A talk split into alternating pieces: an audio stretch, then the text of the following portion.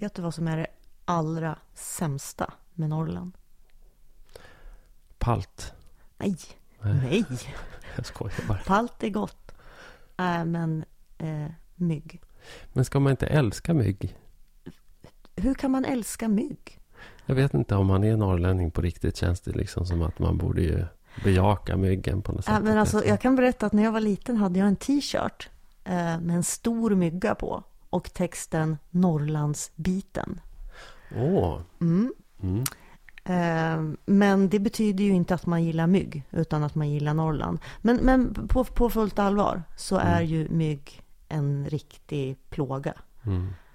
Eh, och det är också en sån sak som förstör så mycket av idyllen. Alltså om man tycker att det är vackert, det är vack, vacker natur, det är storslaget så länge man sitter liksom inomhus eller i ett tåg eller i en bil och så kliver man ur. Och så kommer den här svärmen. Jag har, har två sådana mygg, starka myggminnen.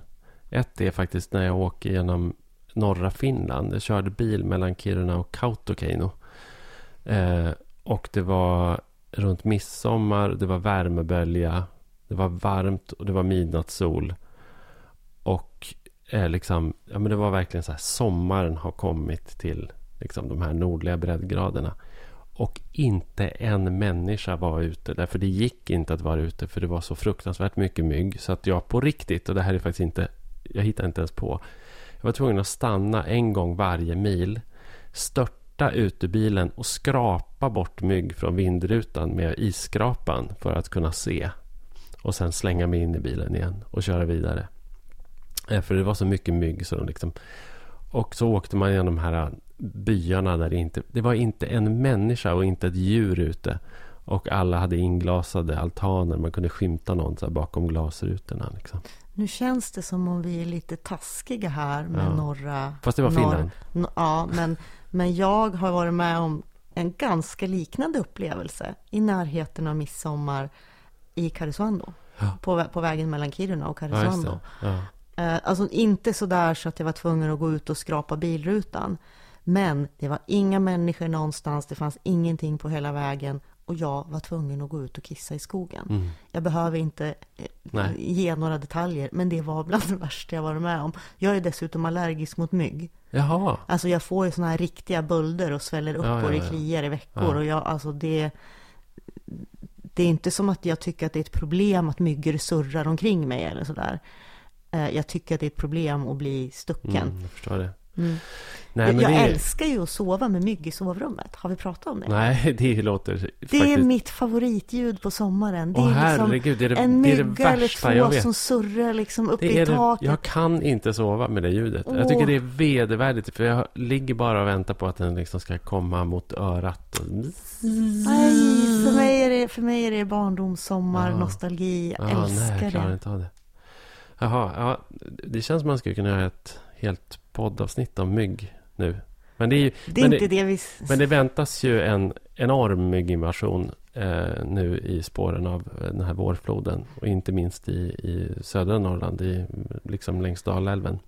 Ja, och det har ju redan börjat. Jag kan Ja. säga att det har ju redan börjat uppe där jag bor i Medelpad. Ja. Eh, Så är det ju dels, ägg, alltså kläckningen är ju tidigare för att det Mm. har, har varit sån ex, extrem värme nu. ja.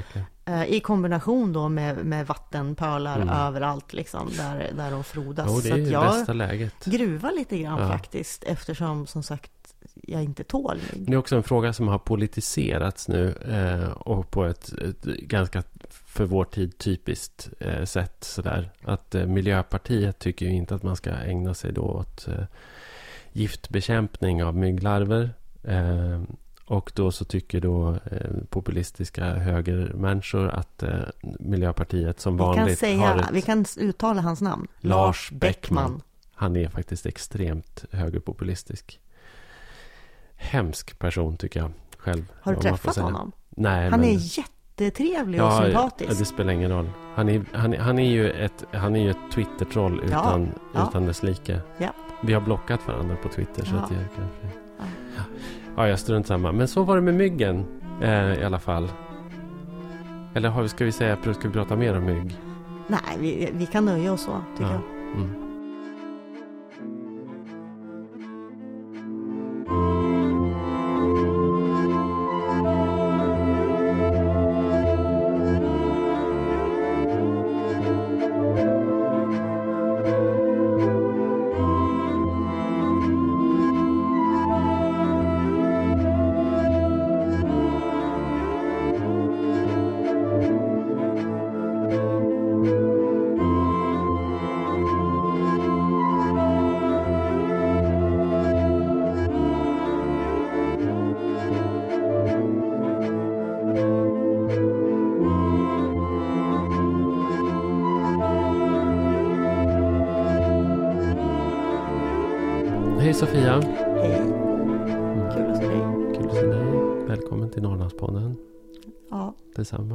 Du säga. tack detsamma. Det blev bra eh, avsnitt med Mats Jonsson tycker jag. Ja, det var ett bra snack. Det, ja, Mm. det kändes väldigt bra, tycker jag också. Mm. Får, Det var som sä- att får han- man säga så? Ja, men det kan man väl få säga. Det var ju Ja. tack vare Mats också. Ja, Det kändes ju självklart. lite som att han han tillförde väldigt mycket. kändes också som att han skulle kunna ha den här podden själv. Lite grann. Att om vi skulle lägga ner så skulle vi kunna överlåta den på honom. Eller så. Han skulle liksom kunna driva den vidare. Absolut. Och samtidigt så, så är det ju intressant med ett nytt perspektiv. Det är Ja. ju väldigt mycket du och jag som, de som lyssnar regelbundet, de, jag tror vi börjar bli ganska förutsägbara för, för våra lyssnare. Det eller? var vi säkert från början redan. Ja, fast... Ja. Men men det var ju också lite att vi, vi kanske hade lite mera konflikter förut. Tycker, jag tycker det där går i vågor. Första Ja. säsongen hade vi inga konflikter alls. Nej. Då var vi bara snälla och informerande. Ja, precis. Det var väldigt folkbildningsaktigt. Mm. Och sen i, i samband med eh, ja, efter valet så där så började vi väl tjafsa lite Mm. om olika saker. Det verkade som att lyssnarna gillade det när vi tjafsade. Både och. Eller både och. Ja. Både och. Ja. En del blir lite ledsna. En del vill ha det här trygga, liksom pedagogiska pratet om, om samer och... Mm. Nu är det väl mer att om vi blir oense så blir vi oense. Det är ju inte någon grej som vi har. Eller hur? Det är väl bara, det blir, alltså det är ju inte som att det är vi inte skapar. som att vi... Nej, absolut inte. Nej, Nej. nej. Det är inte Och vi som att vi provocerar fram konflikt. Nej. Jag tycker överhuvudtaget att, att det är ganska mycket konsensus. När man kom, jag menar de som kan de här frågorna tycker ofta ganska lika. Jag har ju varit ute nu på en turné. Eh, lokalsamtalsturné som jag pratade om i någon tidigare podd. Som jag åkte runt med i hela landet. Och då har jag föreläst och sen har varit en lokal panel. Eh, som oftast har varit bestående av politiker. Det är några tillfällen kvar för övrigt. I Jörn bland annat om man är norrut. Ehm, på nationaldagen. Jörn nationaldagen. Folkets hus i Jörn. Kan jag säga. Eh, men då är det ofta lokala paneler. Och ibland så har jag suttit i lokalen så till så att jag inte har sett när de har pratat. Eller vem det är som har pratat. Eller liksom så här vilket... Ja, det är jag inte med i panelen. Det är inte jag heller som leder panelen. Utan jag har bara suttit och antecknat. Och då kan det ibland vara ganska svårt att skilja en moderat från en vänsterpartist åt. Eller en... Fast, fast så är det ju. Ja. Så är det ju också i, i, jag menar, i lokalpolitik, i kommunpolitik. Så är det ju ofta ganska små skillnader mellan partierna. Mm. Eftersom dels att man är väldigt begränsad, men man har ett gemensamt intresse för en väldigt begränsad yta, liksom, eller del av landet. Mm. Jo, Eh, jo, och, visst.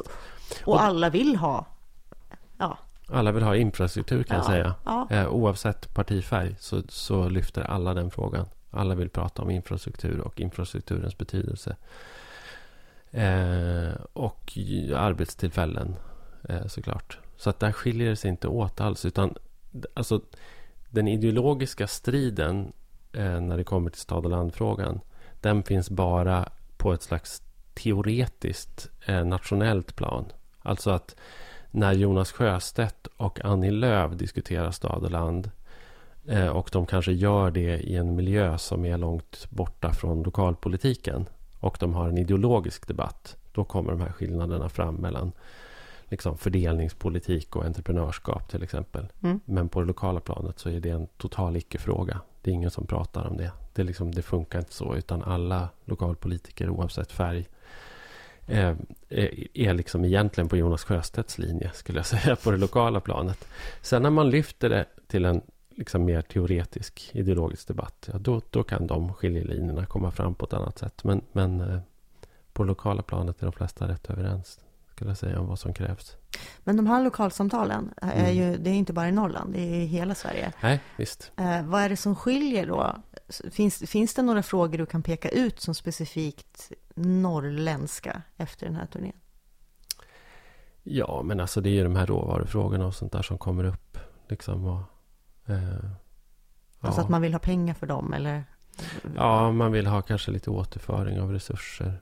Det är ju en vanlig publikfråga norröver. Det är ju ingen som pratar om i södra Sverige till exempel. För det finns ju liksom inte. Jag menar i Blekinge är ju inte det någon stor fråga liksom. Nej. Utan då kan det handla mer snarare kanske om eh, bostadsbyggande. är ju en viktig fråga. Det skulle jag säga är en ganska viktig fråga överallt. Men kanske särskilt i landsbygderna i södra Sverige. Där det finns eh, faktiskt en, en bostadsbrist. Och där det finns också potential att bygga. Men där man inte kan bygga. Och där finns det också ett konsensus över blockgränserna om att det beror på bankerna och det beror på liksom eh, hur vi tänker om marknadsvärden i Sverige till exempel. Att det är väldigt svårt att även om du sitter i en kommun och vill decentralisera byggandet eller servicen eller så, så är det väldigt svårt att göra det. Därför du får inte med dig byggherrar och banker på det. Eh, för att så fort man lämnar en stadskärna så uppstår en osäkerhet kring eh, värdet på fastigheter. Lönsamhet. Ja. Mm. Så, att, så det skulle jag säga, det kanske är en något viktigare fråga då i de här eh, stadsnära landsbygderna. Eh, Bostadspolitik är ju då för övrigt en extremt viktig fråga i hela landet, eh, inte minst i städerna. Så det är ju egentligen en fråga som man skulle kunna ha gemensamt, som skulle kunna ena landsbygd och stad eh, Mm. om man hittade en, en vettig eh, lösning. Ja. Nej, det där är väl liksom... Nej, men det skiljer sig åt en, en del skulle jag säga. Sen, sen är ju det här äh, som jag upplever... Jo, men en, en sak som också förenar och som har kommit upp på alla ställen jag varit på. Det är ju de här spänningarna som finns mellan... Eh, de bra panelerna skulle jag säga har ju innehållit både riksdagspolitiker, regionpolitiker och kommunpolitiker. Då får man liksom...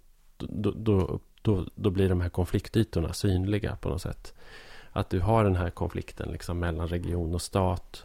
Men också väldigt mycket konflikter mellan regioncentrum och de här nu allt starkare regionerna som nu ska ha an, liksom ansvar för arbetsmarknad och tillväxtpolitik. Och kommunerna då som ligger utanför regioncentrum. Mm. Och som inte alls tycker att de får ta del av de resurser som regionen har att tillgå. I den utsträckning som de vill. De får liksom inte välfärd och kollektivtrafik och eh, infrastruktur i, i den mån som de behöver. Tycker de då. Tycker de att de får mindre av det med region centralisering, eller liksom regionbildning? Ja, lite grann. Så, Har det, har det alltså blivit skillnad så? nej, det ska jag inte För säga. det har väl undersökts till och med? Ja, men- Framför allt så såg jag att bo på regionbildningen är intressant att de allra flesta, en, en övervägande majoritet upptäck, upplever att de har större demokratiskt inflytande efter regionbildning. Mm. Däremot upplever de inte till exempel att de har fått mycket bättre vård, Nej. men att, att demokratin har stärkts och ökat. Ja, ja Mm. men så kan det nog vara eh, eventuellt. Det tror jag. Eh, jag tror att när man tittar på hur man fördelar resurser både i landet men också i regionerna så, så förefaller det för mig som att vi har fastnat i en loop lite grann på något sätt. Att, att vi har haft då tillväxt i regioncentrum och i storstäder i Sverige. Och det här leder till infarkter i bostadsbyggande och infrastruktur. Eh, och då blir det på något sätt rätt naturligt att man som politiker vill lösa de infarkterna. Eh, dels därför att de är problematiska. Eh, men också därför att man genom att lösa de infarkterna kan eh, då liksom skapa eh, grogrund för tillväxt. Och då blir det liksom enligt den rådande diskursen så blir man en duktig politiker om man löser de här infarkterna. Och sen så kommer man på något sätt aldrig fram till det läget där man sätter sig och har en påse pengar och, och alla infarkter i, i centrum är lösta och man tittar ut över sin region eller sitt land och fundera på okej, var ska vi bygga nu? Vad är liksom... Utan loopen är liksom att man har de här infarkterna så löser man dem och då blir den där platsen ännu mer attraktiv, ännu mer fungerande vilket leder till att det blir en ny infarkt i infrastrukturen, vården, skolan, omsorgen och sen så måste man tillföra resurser.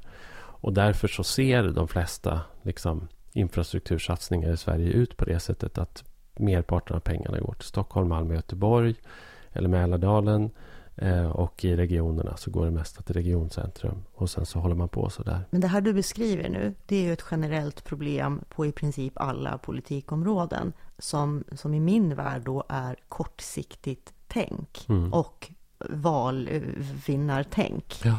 Att det, att det är alldeles för lite av att göra upp långsiktiga planer, ha en vision. Hur vill vi att det här ska funka om 10 år, om 15 år? Mm.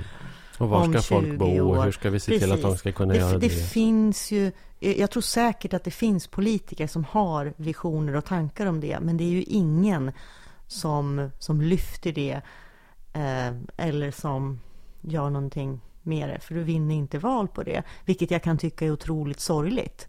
Också att det, att det hos väljarna verkar finnas en sån här eh, otålighet, att varenda problem måste lösas nu. Mm, Och, och att man liksom kräver det. Lös det här nu. absolut. Eh, Det tycker jag är otroligt. Nej, och där, Tråkigt. ja, och där kan jag väl också konstatera på något sätt att den diskussionen har inte dykt upp heller under lokalsamtal. Utan det handlar ganska mycket om att släcka bränder eller positionera sig i, något, i någon fråga, lokal fråga eller så. Liksom. Utan de här stora linjerna, då ska man nog eh, kanske komma till tjänstemännen och sådär. Eh, på något så här samhälls, samhällsbyggnadskontor någonstans och liksom höra av vad de har för idéer. Men jag tror att de också blir ganska uppknutna i detta med att liksom lösa de här kortsiktiga problemen som skapas av urbaniseringen och där lösningarna driver på urbaniseringen. Eh, alltså så det, alltså det, är verkligen en, det är verkligen en loop. Det bara liksom Mm. snurrar runt, runt. Så att det, och, och aldrig någon som lyfter blicken över landet. Det liksom, går aldrig att tänka längre än fyra år framåt. Nej, det är lite så tyvärr. Mm. Du, eh, en grej som har hänt eh, medan vi inte har poddat. Eh, det var ju att Länsstyrelsen, eller Kronofogden var det ju som fick utföra jobbet tillsammans med skoterburna poliser. De brände ner en, en kåta i, i var det Storumans kommun, va? Ja. Stenträsket. Mm.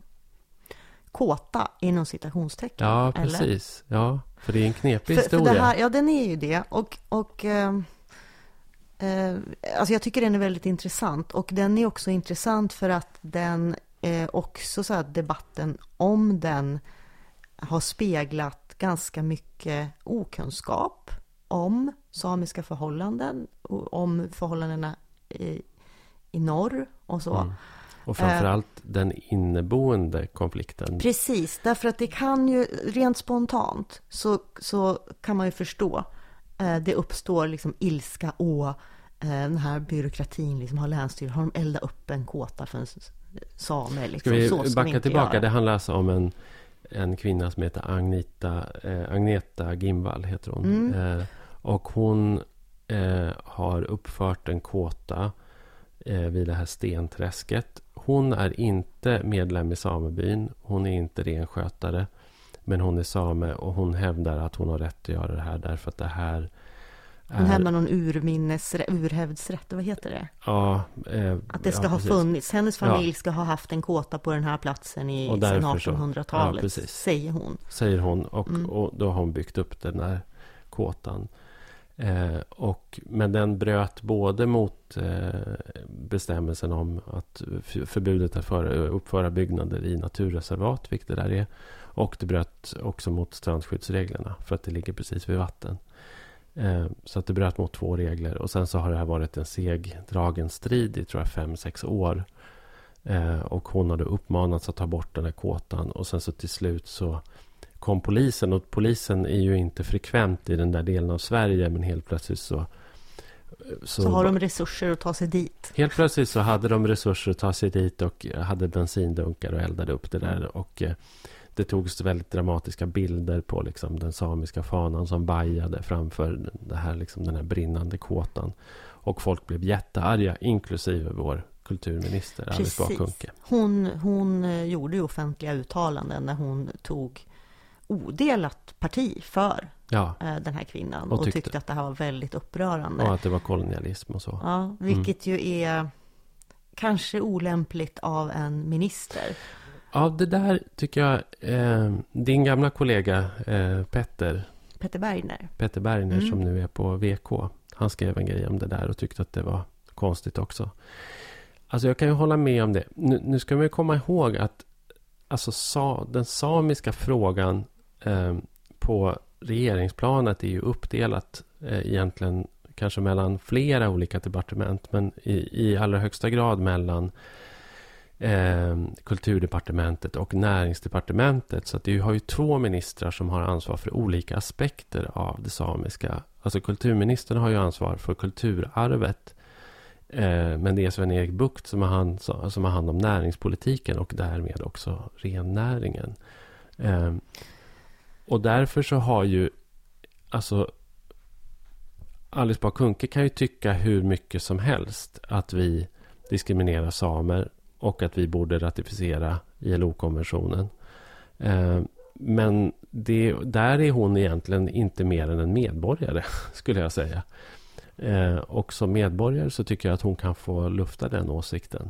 Men hon har ingen som helst makt över det. Nej, och hade hon makt över det hade det ju kanske varit ännu konstigare. För ja, då, då, borde, hon ju, då borde hon ju ha gjort någonting jo, åt exakt. det. Men, Men för att nu det. förklara det här eh, lite mm. mer då, för, mm. för våra lyssnare för att förstå. För att eh, den här kvinnan hade ju då alltså, hon var inte medlem i samebyn, har Nej. inget renmärke som det heter. Det vill säga hon är inte renskötande same. Nej. Och då saknar man privilegier som renskötare. Eller rättigheter ska man väl snarare ja, säga. Ja, mm. okej, okay, rättigheter. Mm. Man saknar rättigheter som renägande samer har. Yes. Och varför den skillnaden är, det är liksom en histor liksom historiskt långt tillbaka i Går tiden. Går tillbaka till rennäringslagen från, jag tror, 1923. Ja, precis. Hundra år sedan så bestämde man att renägande samer skulle få ha rättigheter. De skulle få ha samer, de skulle få fiska och jaga och, och sådär. Men de som inte hade renar räknades liksom överhuvudtaget inte. Nej. De hamnade i en slags eh, samisk diaspora. Ja. Liksom, och det har ju varit svårt för dem att kämpa. Och det här är ju en, en, eh, liksom en intern eh, maktstrid också i den samiska befolkningen. Mm. Och i Sametinget också. Mm. Där ju då liksom icke renägande samer också har ett parti, företräds av ett parti. Eh, och där man är väldigt oense om liksom hur man ska hantera det här. För, det, för, för de, de icke renägande samerna sitter ju i knät på samebyarna. Alltså om de vill jaga och fiska på sina eh, förfäders marker så måste de göra det med tillstånd av, av eh, samebyn. Mm. Och eh, den här Anita Gimvall då i Stenträsket hon tillhör ju inte samebyn. Om hon hade gjort det så hade kanske Länsstyrelsen kunnat komma till ett annat beslut. Därför då hade man kunnat tänka sig att den här kåtan hade uppförts eh, för att kunna upprätthålla eh, renskötseln. Eh, och då hade det varit lättare att dela ut de här dispenserna som hon absolut inte kunde få. Helt Kanske. enkelt för att renägarna har starkare rättigheter ja. eh, när det gäller mark och eh, ja, hur man använder den. Precis. Och det är ju en konflikt som som må många verkligen inte har någon aning om. Nej, eh, Eller ens man känner, känner till. Man samer, tänker, tänker ja, men precis som man tänker urfolk som urfolk mm. också. Uh, finns, det, finns det särskilda rättigheter för urfolk så ska väl det gälla alla samer. Men vad är då definitionen på? Mm. Och det här är ju någonting som Sverige återkommande får kritik för. Och just fick också. Ja, ganska nyligen så fick vi väldigt hård FN-kritik och förhördes av FN om mm eh, våran diskriminering av samer. Mm. Och det intressanta här är ju också att den här konventionen, urfolks, vad heter den, ILO-konventionen, mm. eh, Sverige var väldigt delaktig i att driva fram den. Ja, och skriva och, den till och med tror jag. Precis, och har ju varit verkligen i, i just den här frågan om urfolk, någon slags världssamvete som har kunnat vara jättekritisk mot hur USA har behandlat sin urbefolkning eller Australien eller sådär. Men trots att det var Sverige då som drev fram den här konventionen så har vi ju inte skrivit under den. Så Nej. den gäller ju inte eh, i Sverige. Nej, och det och, finns ju rykten om att eh, en tidigare jordbruksminister eh, efter sitt tillträde eh, tänkte att nu ska det här ske. Och, och liksom satte igång alla juristerna i, i regeringskansliet på att titta på det här. Och att de återkom efter ett par veckor och sa det är helt omöjligt. Vi kan inte göra detta. Det skulle bli juridiskt kaos i hela norra Sverige. det går inte att skriva under den här konventionen. För det skulle bli, alltså med, med eh, vattendomar, eh, fallrättigheter, eh, skogsnäringen, gruvnäringen. Och alltså det, det, det skulle bli ett juridiskt mayhem utan dess like. Och det är väl därför det inte... Jag menar, sen dess är det ingen politiker som har liksom vågat säga att, att det här ska ske. Ja, det finns helt enkelt för stora kommersiella intressen i det här området det gäller. Och för inte- det är ju ja, det det handlar statliga, om. Näring, inte minst. ja, ja, ja, men, men Ja, alltså ekonomiska ja, intressen. Ja, verkligen. Eh, ja. Så att det där är ju Så är det här status quo. Kommer, vi, kommer vi någonsin att få någon lösning på det här? Jag vet inte sjutton alltså, jag tror nästan inte det. Jag tror att det är liksom dödläge eh, på den punkten. Jag tycker det var intressant att de just eh, pratade. Jag, menar, jag har ju varit jätteengagerad i och skrivit, skrivit ett stort reportage i Filter som också är med i Norrlandsboken. Om eh, den här påtänkta nickelgruvan Mm. i Rönnbäck. Eh, där i... Eh, ja, nu kommer jag inte ihåg eh, bara för det. Eh, Hemavan, Tärnaby.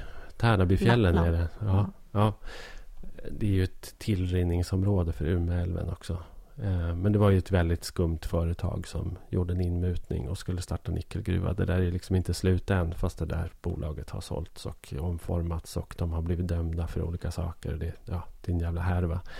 Men den här FNs rasdiskrimineringskommission då. De kritiserade ju just Sverige därför att eh, intressant nog då att alla samer som var påverkade av den här av de här gruvplanerna inte fick komma till tals i processen.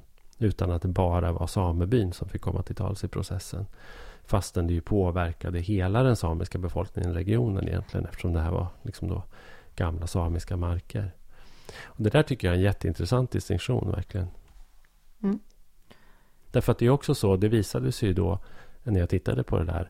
Att samebyn är ju sakägare. De kan ju då göra en deal. Och det har ju samebyar också kunnat göra med kraftbolag och gruvbolag och sådana saker. De har ju kunnat göra och då, då kan de få utbytesmarker och de kan bli kompenserade. Och jag, jag var till exempel i ett sommarviste som hade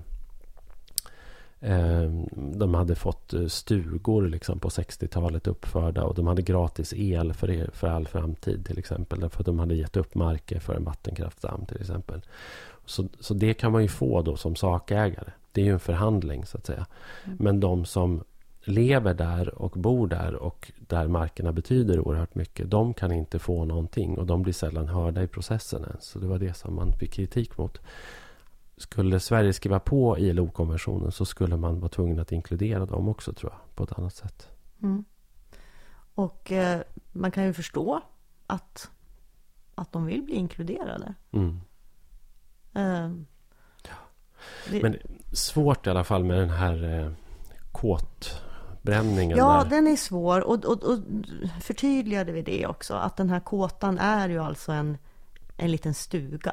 Ja, det är, Det är ju ny, ett, det är ett hus. Ja, ett nyuppförd, en primitiv eh, men, men ändå liksom Mm. ny, relativt nyuppförd byggnad. Och enligt Länsstyrelsen finns det inte heller några spår efter någon Nej, eh, kåta tidigare på platsen. sen kan man ju tycka att själva så som det gick till. Alltså det var ju rätt korkat. Om, jag menar, även om Länsstyrelsen och Kronofogden och polisen tycker att de har rätt. Så är det ganska korkat att bjuda på den eh, liksom Det blir en otroligt stark symbolfråga som, Ja. som ju inte eh, precis tar ner den ilska man kan känna då mot Nej, och, och det som jag kan tycka också eh, är ju liksom att ja, det är ju inte som att staten inte har uppfört saker på samisk mark som de inte haft tillstånd för, om man säger så. Det, men, och det är ju det som är själva huvudproblemet här. Att även om man då tycker så att ja, visst, eh, strikt juridiskt så hade Anita Gimbal inte rätt att uppföra den här byggnaden på den där platsen, för hon hade inte tillstånd. Eh, så ja, så långt är allt korrekt. Men frågan om det är staten som ska kasta första stenen i den diskussionen. Liksom. Det är det inte kan jag säga. Ni vet väl att om eh, ni lyssnar på den här podden och tycker om den så kan ni eh, stödja den via patreon.com. Eh, gå in där, skriv snedstreck eh, Norrlandspodden och sen så kan man stödja så mycket man vill eh, eller så lite man vill och hur ofta man vill. Och pengar dras bara eh, när vi publicerar en podd. Så när vi inte gör någonting så kostar det ingenting. Och vi blir jätteglada. Eh, och eh, merparten av pengarna går till, till eh, Sofias Saab. Mm, bensin. Ja. Alltså det här, det finns ju något parti Mm. som, som heter Landsbygdspartiet.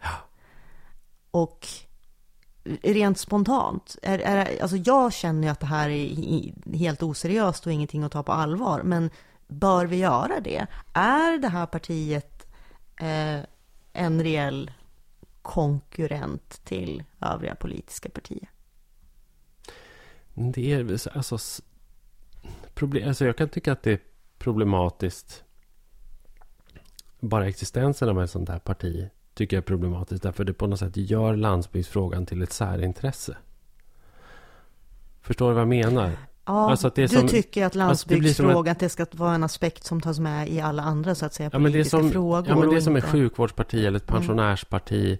Eller vad finns det? Brexitparti. Ja, men det Ja. bidrar till att dela, dela snarare än att Ja men hålla precis. ihop. Mm. Och jag tycker också på något sätt, jag menar titta Det, nu. det, det säger ju hela deras program. Vi har en lista här kan Ja, vi säga. precis. Landsbygdspartiet eh, har uppstått ur något annat parti som startade, tror jag, därför att man ville få bort vargen. Så det verkar vara liksom en är ett kärnfråga. varghatarparti.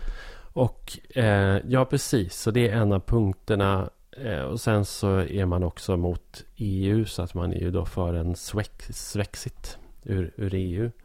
Ehm, så det är väl det. Och sen så, men vad jag fattar det som så är de två grundarna, är, den ena är en gammal varghatare och den andra är grundaren till en Facebookgrupp som hette lands, nej, eh, det, Lantbrukare som har fått nog. Som jag faktiskt var medlem i i ett par år bara för att hänga med i diskussionen. Och det var en plåga faktiskt, Var det en sån här typ stå upp-grupp fast Det motsatt? var lite så. Det var, det var lite rasism, ganska mycket sexism. Det var, det var många som tyckte att det var roligt att, att liksom, eh, lägga upp en bild på någon sån här, ja men typ, eh, liksom skämtteckning ur någon sån här bok som man kan hitta på dass som ingen har använt sedan Ett 1973. Liksom. sexistiskt skämt Ja, eller här- rasistiskt. Ja, men en kvinna med en brödkavle. Och liksom, ja. vad ska du ha den där till? Ja, men liksom, Mm. alltså på den nivån. Ursäkta. Mm. Och, och eh, det var hemskt. Men, men ja. Eh, och... Eh, Ja, men, och, Ja, och, sen, och, sen, och, sen, så var det då gnäll på, på, på nyckelbiotoper och, eh, och på, på dikesregler och, eh, och dieselpriser och vargar. Väldigt mycket så. Och sen så ibland då och då så kom det någonting vettigt också. Liksom. Mm. Men, men, men nu har de startat ett parti. Men, Mm. men, men ska vi bara låta dem passera obemärkt förbi? Eller hur många medlemmar hade den här gruppen? Har du någon koll på det? Jag vet inte, men jag tror att den var relativt stor ändå.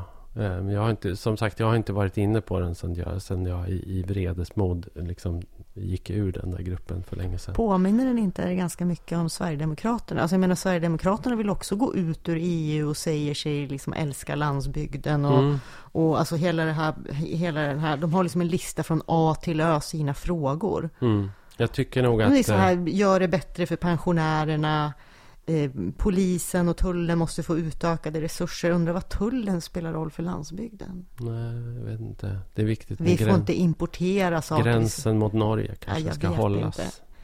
Eh, nej, men det är det är väldigt, väldigt Sverigedemokratiskt. Förutom då som Östersund ska bli Sveriges nya huvudstad. Det kanske inte är något som Sverigedemokraterna driver. Men Men det är väl det enda som är bra på den här listan, tänker jag. För det tycker jag det, det tycker jag är en ganska rolig idé. Eh, eh, är ärlighet vara längst? Ja, åar och dammar med småskalig vattenkraft ska bevaras. Yrkesutbildning. Utlokalisera. Det är ju vissa saker som är helt okej. Utvisa migranter står på bokstaven U. bara. In, ingenting om... Som begår brott. Ja. Mm. De är ganska strikta mot invandring överhuvudtaget. Det är Mm. mycket så här snack om eh, kvinnans rättigheter och värderingar och eh, språk och så. ja, men det är väl utifrån att kvinnan skulle vara någon slags ägodel. Våra kvinnor. Mm, det kan vara så. Det, det lät så när du beskrev den här gruppen också. Mm. Det är lite så kanske. Mm.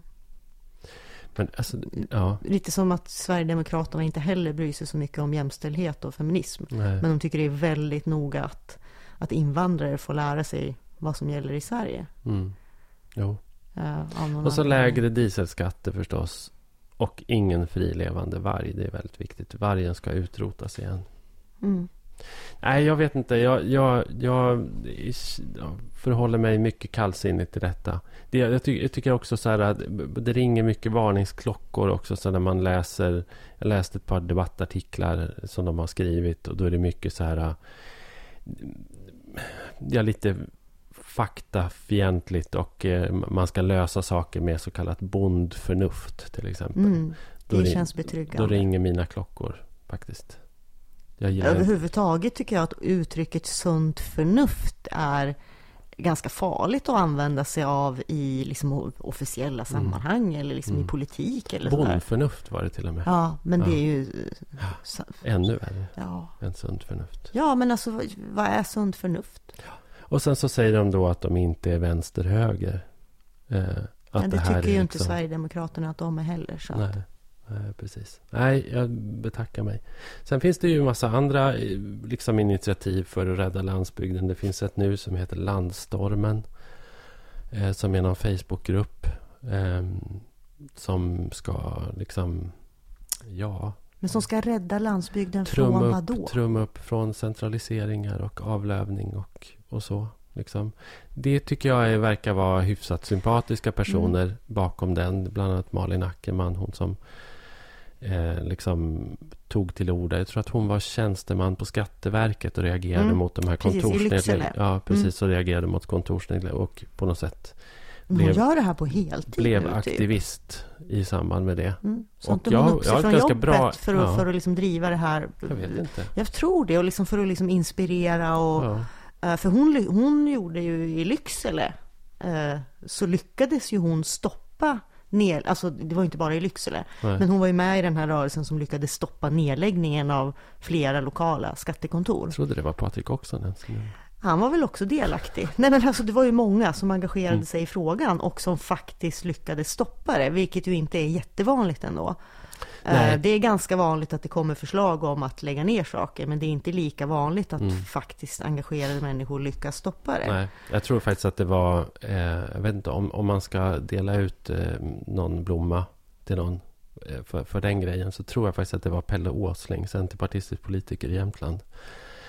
Som, Du gav det till en centerpartist? Ja, absolut. Men jag tog den nu från Patrik Oksanen, gav den till Pelle Åsling Ja. istället. Eh, Men Malin Ja. eh, har ju inte heller varit helt oviktig. nej, absolut Eh, inte. Det skulle nej, jag säga. Jag, jag, hör, jag hörde ju också att eh, så här, Ardalan Shekarabi, när han pratade om den här frågan så, Mm. så har ju han sagt offentligt att det var när jag träffade henne som jag förstod hur viktigt det här var. Ja, ja. Eh, Ja. Mm. Ja, men det kan för, för att han var i Lycksele, han hälsade på, hon berättade, han satte Mm. sig in i det och då var det som att någonting hände och det Mm. var liksom e- enligt honom då fröt till att till att man stoppade den här nedläggningen. Absolut. Så då kanske vi ska ge henne den Ja, största det credden. kanske Det, var, vi det var henne vi, Vi- började okej, med. då tar vi blomman från Okej. Pelle Åsling Men, men hon har då startat det här. Ja, precis. Ja. Och det är väl lite i sin linda sådär. Mm. Eh, Men det ska tydligen sluta med någon slags protest eh, utanför riksdagshuset i, augusti. Vad jag, vad jag har förstått. Vad jag läst mig till. Så får man se vad det blir av det. Liksom. Men intressant. Ja. Mm. Det är också... Ja, nu när det här... När vi lägger ut detta. Då har det precis varit eh, landsbygdsriksdag. Mm. Eller den Precis. pågår när vi I- lägger ut den här mm, podden. Det är nu i helgen. I Örnsköldsvik. Örnsköldsvik. Ja, ska Mm. du dit? Nej, Nej. inte som jag har planerat. Nej. Man vet aldrig. Nej. Du ska dit. Jag ska dit. Precis. Jag ska lyssna på den här partiledardebatten. Ja, Det är ju alla partiledare faktiskt utom KD och Liberalerna. Eh, och det är ju ingen slump. Det konstaterar vi. Vi hade ju någon genomgång av partiernas regionalpolitik en gång. Mm. Och det vet jag de att hade ju ingen. de hade ingen. Alltså jag tror att KD hade ingen överhuvudtaget. Och Liberalerna hade någon gammal notering om att man skulle ha mera etanol på mackarna Mm, eller någonting. Precis. Vi gjorde också en genomgång av, av just de av alla partiers representation i olika fullmäktige och Mm. sådär. Och det är ju inga stora partier i Norrland så att säga. Eh, Det är det inte De är heller. ju knappt existerande i Nej. väldigt många Och det är väl kommuner. därför de inte tycker att det är mödan värt helt Nej. enkelt. Men, Fast men, det är eh, just därför kanske de borde. Precis. Borde Det är två- ta två- fram någon form av eh, Ja, landsbygdspolitik. det är också två partier som hänger på gärdsgården och Ja. riskerar att åka ur riksdagen. och vi är i en liksom. valrörelse där faktiskt landsbygdsfrågan, även om den inte står högst Ja. på agendan, men nog lite- kommer att vara lite delvis Ja, avgörande. det är lite klantigt är det. Ja, det är ganska säga. mycket klantigt Ja. faktiskt, tycker jag. Ja. Men Ja. de andra kommer ju i alla fall. Ja, Och det är bra. det är bra. Mm. Mm. Så att jag ska lyssna på dem och sen så ska jag eh, liksom ha någon slags analys eh, inför publik Mm. av, av partiledardebatten. Tillsammans med Malin Rönnblom och eh, Josefina Syssner. Det, kan, det, det blir nog jättespännande. Ja, Men det, här tror jag. måste man ju kunna, det här måste ju streamas någonstans. Man måste ju kunna titta på det här. säkert. Ja, Det tror jag. utan att vara på plats. Jag har aldrig varit på en sån där landsbygdsriksdag tidigare. Det är, det är det ganska stort. Jag tror det är 800 personer som Mm. kommer. Eller sånt. Mm. Stora Fjällräven Arena. Har du inte varit på en? Men hur ofta är det? Jag vet inte. Vartannat år kanske? Eller varje? Mhm. Jag vet Och inte. du har inte varit förut? Nej. Det är jättekonstigt. Nej, jag vet inte. Men jag har inte varit så populär i landsbygdskretsar. Nej, men på riktigt har jag inte det. Det här är ju Hela Sverige ska leva som ordnar. Ja. Och de har inte... De har kanske inte gillat mig så jättemycket förut. Nej. För jag har varit lite för svartsynt. För deras smak. Ja, jo, det känner vi till. Det känns ändå som att det har hänt mycket. På de här fyra Ja. åren som vi har gjort den här Ja, podden. väldigt Mycket, som mycket. har förändrats. Ja. Både liksom i den offentliga debatten och din roll i den. Och, Mm. ja, Mm. Jo, precis. det rör på sig kan man säga. Vi är inga underdogs längre. Eller? Nej. Nej, Nej. nej, Nej. verkligen inte. Nej. Usch, det vore Nej. helt förmätet att påstå det. Men det vore faktiskt. kul att vara. Kanske, man kanske kan bli igen. Det är roligare, man kan vara liksom lite argare då. Ja, det är li- Ja. lite så är det. Mm. Jag har hittat mitt drömhus. Alltså, nej, jag ska inte säga... Eller? Nej, det är inte mitt drömhus. Men jag har hittat ett hus på Mm. en drömplats i Mm. världen. Mm. Eh, alltså det är inte Är det inte lite hus. osmart att twittra ut en länk till det huset? Då? Det är en, hel, det är en gård. Eller du kanske bara utgår ifrån att alla andra i hela världen är ointresserade av Ja, ett jag- hus i Bollstabruk. Jag skulle vilja säga, för det första så alla i hela världen följer inte mig på Twitter. Och för det andra så skulle jag Ja, säga, att, som många. du nyss nämnde, att det ligger då eh, i Bollstabruk eller i Hällsjö. Mm. Alltså utanför Bollstabruk. Det ligger verkligen på landet. Eh, och det är liksom en gård. Det finns massa åkermark, betesmark. eh, Det är en det, var skogsfastighet. ganska, my- det var ganska mycket mark var det? Det var 30 hektar mark eller Ja, något sånt där. 20. Tju- tror jag. 20. 20 sammanlagt. Ja, det, det var, men det var, alltså, det var en jättestor tomt. Alltså bara hustomten var ju typ 3 500 Mm. eller Ja. ja, 3,5 hektar. Eh, så att, ja. Och det var liksom ett ganska så här helt ostylat inrett hus. Mm. Liksom. Lite olika stilar i olika rum. De har tagit ett rum i taget med tio års mellanrum. Så här. Ja, det var Något väldigt var uppenbart. helt jättefult liksom. Och, Något- och köket, så var liksom köket gammalt... i 80-tal och eh, det var, det var Ja, två men- kök. Ett var från 80-tal och ett var från typ 50-tal. Ja, fast alltså skåpen tror jag var äldre i båda köken. Ja, ja. Fast de var ännu, i ett var jättefint Och så kunde man se på 50-tal. golven också att det var så här äh, lackat furugolv från 70-talet i ett rum Ja. och fin parkett från 60-talet i en annan. Ja, så det var väldigt... Och, och jag... Men det verkar vara väldigt bra skick. Ja, alltså, och priset och det var är ju jättefint runt omkring och det var så här jordkällare och stall och ja, flera så här Och för till- de pengarna, men tänk, och det var ju... Nu var det ju bara tre hektar skog. Men det stod att, att den var bevuxen med 125-årig tallskog. Mm. Och då är det ju ändå lite så att om du avverkar, nu har inte jag sett den där skogen, men säg att du avverkar de där tre hektaren. Alltså du får ju ner priset på fastigheten med gott och väl en halv miljon bara genom att avverka och sälja det där timret skulle jag tro. Den det- kostar ju inte ens en, en och en halv miljon hela fastigheten. Nej, vad var det? 1,4 var det va? Eller var det 1,6? Jag minns Ja. inte. Det är i alla Ja, fall, något det är, det är ju där. verkligen... Ja, det är inte Eh, mycket pengar med... Och, och jag tror boytan i huset var så att över 250 kvadrat. Så att, så att eh, Vad ska du göra i alla rum? Ja, men jag vet inte, men jag har ju så här... Det, jag, jag är ju jätteromantisk när det gäller en så så här gammalt hus. i Ångermanland Mm. med liksom en natur runt omkring och liksom växtlighet och allt som verkligen påminner om min barndom. Mm. Och det, det är barndomsnostalgi det här och en grusväg utanför. Men det är ju inte heller bara nostalgi, för det finns ju en del av mig som alltid, alltid längtar tillbaka. Mm. Och det, jag har ju ingenting kvar. Jag har ingen släkt kvar. Det finns inga liksom släktgårdar. Det finns inga någonting. Och det här, det är liksom, det är Ångermanland. Och det är en jättehärlig gård. Alltså, men jag är ju helt ensam. Mm. Eh, det, det, det känns som ett heltidsjobb att bara hålla det där stället i, i någon slags skick. Mm. Så det är ju förmodligen en dröm. Men jag tänkte i alla fall gå på visning. Du tänker göra det? Ja, Jaha.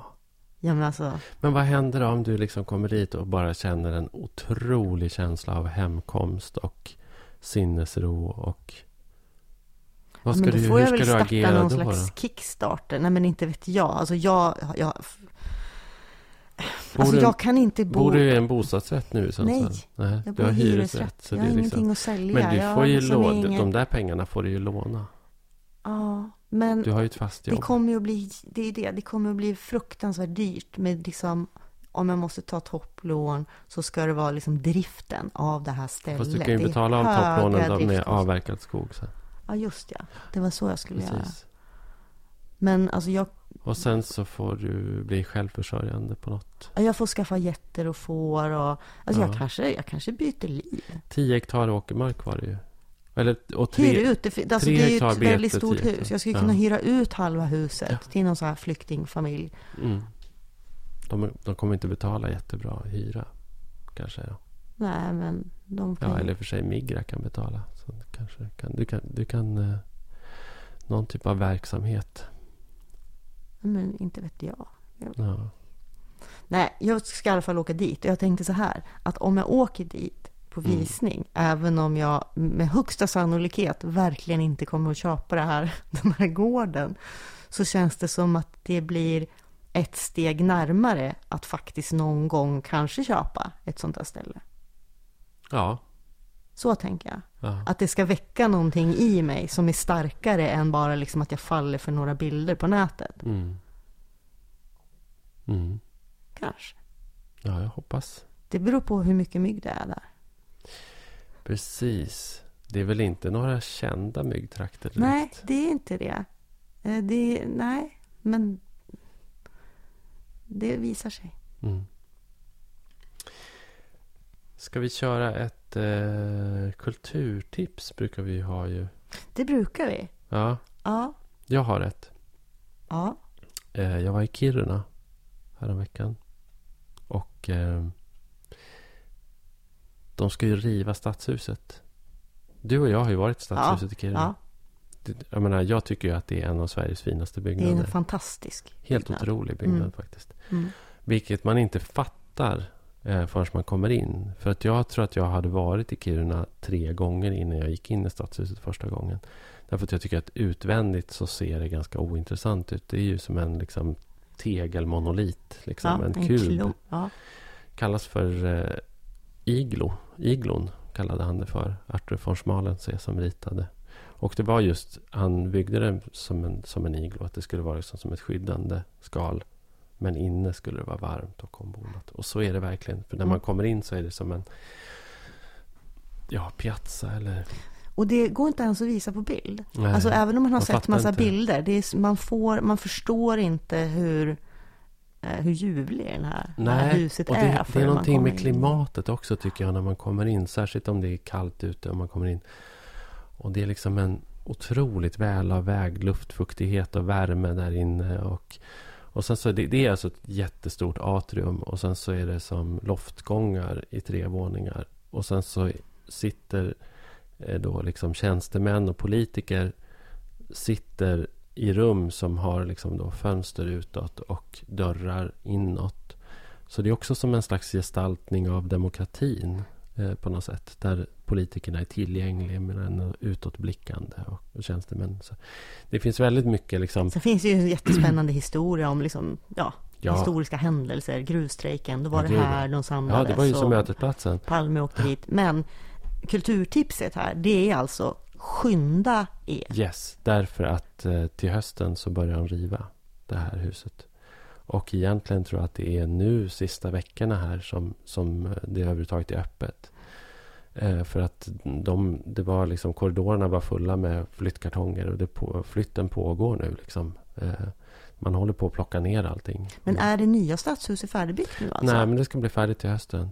Mm. Och det blir ju inte tillnärmelsevis lika intressant. Nej. Eh, går inte att jämföra i denna värld. Ja, men tycker jag. okej, då är det väldigt bråttom nu för alla att åka till Kiruna. Ja, precis. som Så inte har sett Nej, men här. så passerar man Kiruna under sommaren så hoppas jag att man kan liksom göra... Och det, det har ju vuxit fram också en guideindustri eh, i Kiruna. Det finns lokala privata guider som man kan anlita som kan ta en runt och visa upp de här platserna som kommer försvinna, de här byggnaderna som kommer försvinna. För jag menar, mycket har ju rivits redan. Alltså Mm. järnvägsstationen revs i höstas till exempel, gamla fina jär- järnvägsstationen. Och, och ett helt område som nu har blivit så kallad eh, gruvstadspark. Eh, och sen så kommer de närmaste åren nu så kommer det rivas ganska intensivt. Och bland annat då Stadshuset men också de här eh, kända byggnaderna av Ralph Erskine. Eh, som verkligen är liksom en del av Kirunas profil och skyline. De kommer ju också försvinna. Jättefina hus också. Är man, alltså, är man intresserad av arkitektur så är ju Mm. Kiruna en väldigt fin stad. Som, ställe som det verkligen är.